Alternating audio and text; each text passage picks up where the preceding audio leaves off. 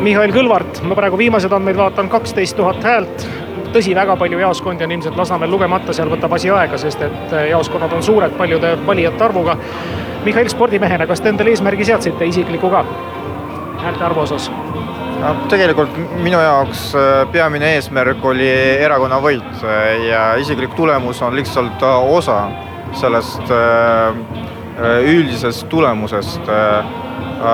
praeguse seisuga võib-olla meie see äh, olukord ei ole kõige optimistlikum ja seega see isiklik tulemus ka ei oma äh, nii suurt tähtsust jah, ma vaatan, et Keskerakonna valimispidu on harjumatult vaikne, tõsi, kõik vaatavad praegu esinemist, show'd, seal on tantsutüdrukud teevad väga ilusaid liigutusi.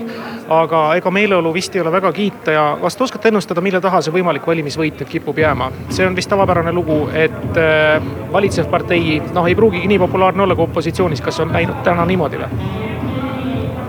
Noh, ma arvan, neid järeldusi me veel jõuame teha, ehk siis see kindlasti on palju mitmekülgsem põhjus kui ainult üks argument.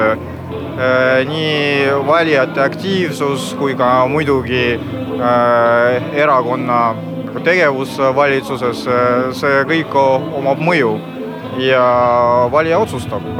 no praegu me näeme, et see valija otsus oli selline, ehk siis suurem opositsioonierakond praegu juhib ta juhib päris korraliku edumaaga ja seda ei ennustanud mitte ükski küsitlus ja mis te arvate, küsime siis sedapidi, mis neile selle edu toob, lisaks opositsioonis olemisele?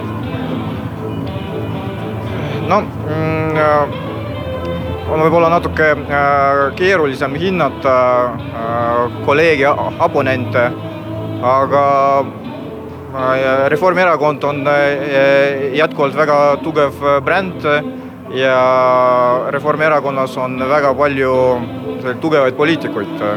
ehk siis mõlemad asjaolud kindlasti hoiavad stabiilsest toetust aga no ma arvan, et võib-olla on vaja ka tunnistada ka seda, et võib-olla nende sõnumid olid selgemad ja lähedamad inimestele väga palju rahvaslikku vastandumist ei tulnudki selle kampaania raames, teie töötate ikkagi peamiselt ju venekeelse elektoraadiga ja haridus on teile väga südamelähedane küsimus, ilmselt jälgisite ka Kohtla-Järve kooli küsimust, kuidas see nüüd poliitilisse spinni korralikult keerati, kas lõpus ikkagi nüüd see lõpuspurdi ajal see rahvuse teema ja, ja keele teema tõstatumine ikkagi mängis mingit rolli?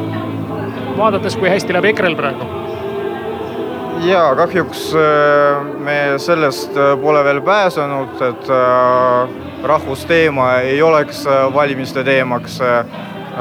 see teema on alati olnud ja ka nendel valimistel me oleme näinud, et päris lõpus see tuli ka esile. tahaks loota, et nagu tulevikus sellest ei hakka sõltuma valimiste tulemused ja ka Keskerakonna ja ka isiklikult minu puhul on tähtis ühine sõnum inimestele, sõltumata nende rahvusest ja sotsiaalsest taustast. Mihhail, te olete juba isikumandaadi saanud mitte esimest korda Riigikogu valimistel, see on tüütu küsimus, aga ma pean selle ära küsima, kas te lähete Riigikokku pärast neid valimisi Tallinna linnavolikogu juhi kohalt? Noh, nagu ma alguses ütlesin, et minu jaoks on tähtsam erakonna tulemus ja lähtuvalt ka sellest ka erakonna sees. et praegu veel lõplikku tulemuse me ei tea ja me ei tea ka seda, kes moodustavad koalitsiooni. Ja sellest väga palju sõltub. Mihhail, te olite ka see inimene, kes lepitas omavahel ära, kui vahepeal Keskerakonnas oli avalikult asjad hapud, kolm õde ja nende elektoraat oleks justkui nagu lahku läinud ja lõhku löönud. kas nüüd, kus on ka teie erakonna esimees päris tuntavalt isiklikult kaotamas Reformierakonna esimehele Harju ja Raplamaal, kas küsimus erakonna esimehe noh, nii-öelda pädevusest tõuseb taas esile või mitte?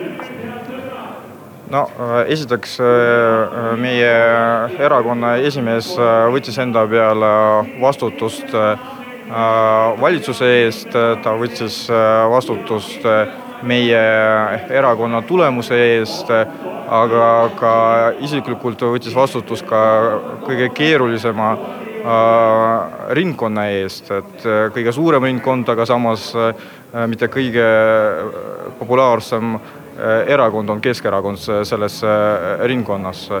ja lõppkokkuvõttes ma ei näe, et keegi saaks paremini hakkama kui Jüri mõned olulised jaoskonnad on siis lugemata, soovime edu, jõudu, ärge pead nurgu laske, te olete hirmus tõsine, ei pea olema. peopäeva õhtu, demokraatia pidupäev ja elu läheb ilusti edasi. jah, aitäh